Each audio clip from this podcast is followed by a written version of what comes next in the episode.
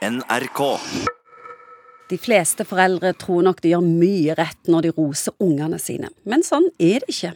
Feil skryt kan virke mot sin hensikt.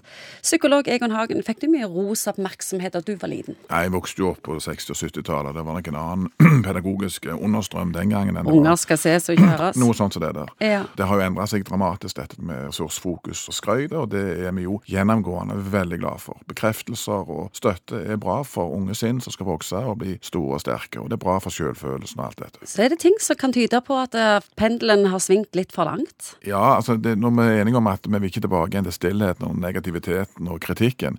Det var jo mange sånne at jeg husker når jeg vokste opp, så var det sånn at hvis det hadde skjedd noe på skolen, og du føler at du hadde blitt utsatt for en eller annen urett, så var alltid spørsmålet hva gjorde du? Det var liksom det som var rådende eh, tankegods den gangen. Hva Var det du sa først?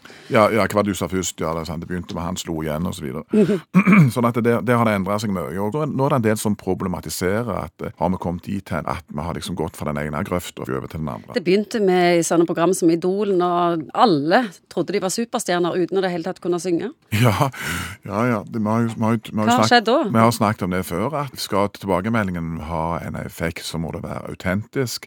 Det må ikke være i lyggen. Og den unge håpefulle må oppleve at det må være samsvar. Foreldre skal ikke lyge, selv ikke for den Men det gjør foreldre. De skryter av selvfølgelige ting som leksene, for å stå opp omtrent. Det er noe med at den der kanskje grunnleggende antagelsen om at eh, alt skal vurderes, alt skal karaktersettes. Si noen ganger kan vi anerkjenne ting og si 'hvordan var det, likte du å holde på med det?' istedenfor at vi skal sette en karakter på det. Det tror jeg mange foreldre også sikkert har funnet ut, at du kan, eh, du kan vise oppmerksomhet og du kan være støttende uten at det nødvendigvis skal ha dette elementet av vurdering og karakterforsetting. For klart, hvis, hvis det er sånn at du teppebelegger hele hverdagen med en masse sånne visper av luft, skryt over at så flink du var liksom å pusse tennene til en tiåring, eller så er jo ikke det spesielt lurt. Og så mer være opptatt av Jeg har jobba litt i forhold til det med suksess og jobbsammenheng og alt dette. Og suksessen er ofte, eller prisbelønningene, er veldig flyktige. Men sånne ting som arbeidsglede, altså ha glede av å holde på med noe, det tror jeg er mye mer robust, tåler mye mer juling egentlig, enn disse små, kortvarige, søte karamellene som du kan få. Ja, for kloke mennesker har gjort noen studier som viser at eh, 80% roser på feil måte. De skryter av evne og ikke innsats. Ja, selvfølgelig. Og innsats er jo viktig. Det er en viktig faktor faktisk for å få til mange ting. det. Så jeg husker når jeg vokste opp, så var det noe som het idealtid. Det var at du skulle springe i Ulandhaugskogen, men du skulle ikke springe fort. Du skulle heller ikke springe seint. Du skulle springe i, på idealtid. Og, og det er jo noe sånn grunnleggende. Det er jo så sosialdemokratisk at du kan svime av det.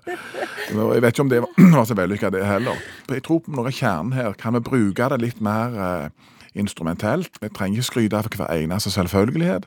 Og kanskje det å gi anerkjennelse og spørre egentlig mer knytta til gleden. Likte du det du holder på med? Var du fornøyd sjøl? Er det ting du kunne tenke du kunne gjort annerledes? Eller var ikke det græla kjekt at jeg har greid å skåre mål? For det at jeg tror eh, det å fokusere på arbeidsglede faktisk noen av de viktigste poengene oppi dette. Og så er det noe med at hvis du ser på disse unge håpefulle, de er faktisk lagd litt òg sånn fra naturens side for å greie seg ganske godt, uten at du skal ha et overpedagogisk sånn pumpe de full av eh, bekreftelser hele veien.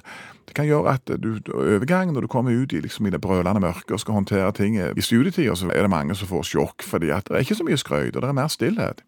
Nå var jeg snakket med for en stund siden i, Trondheim med noen studieveiledere der, og de fortalte at det, viste seg at eh, mange av disse ungene ble jo nesten litt bortskjemte da, sånn at foreldrene ringte fra, fra Sørlandet for å fortelle at det var for lave temperatur i forelesningssalen. Og da på en måte har den der utenfra og inn eh, gått litt langt, syns jeg iallfall.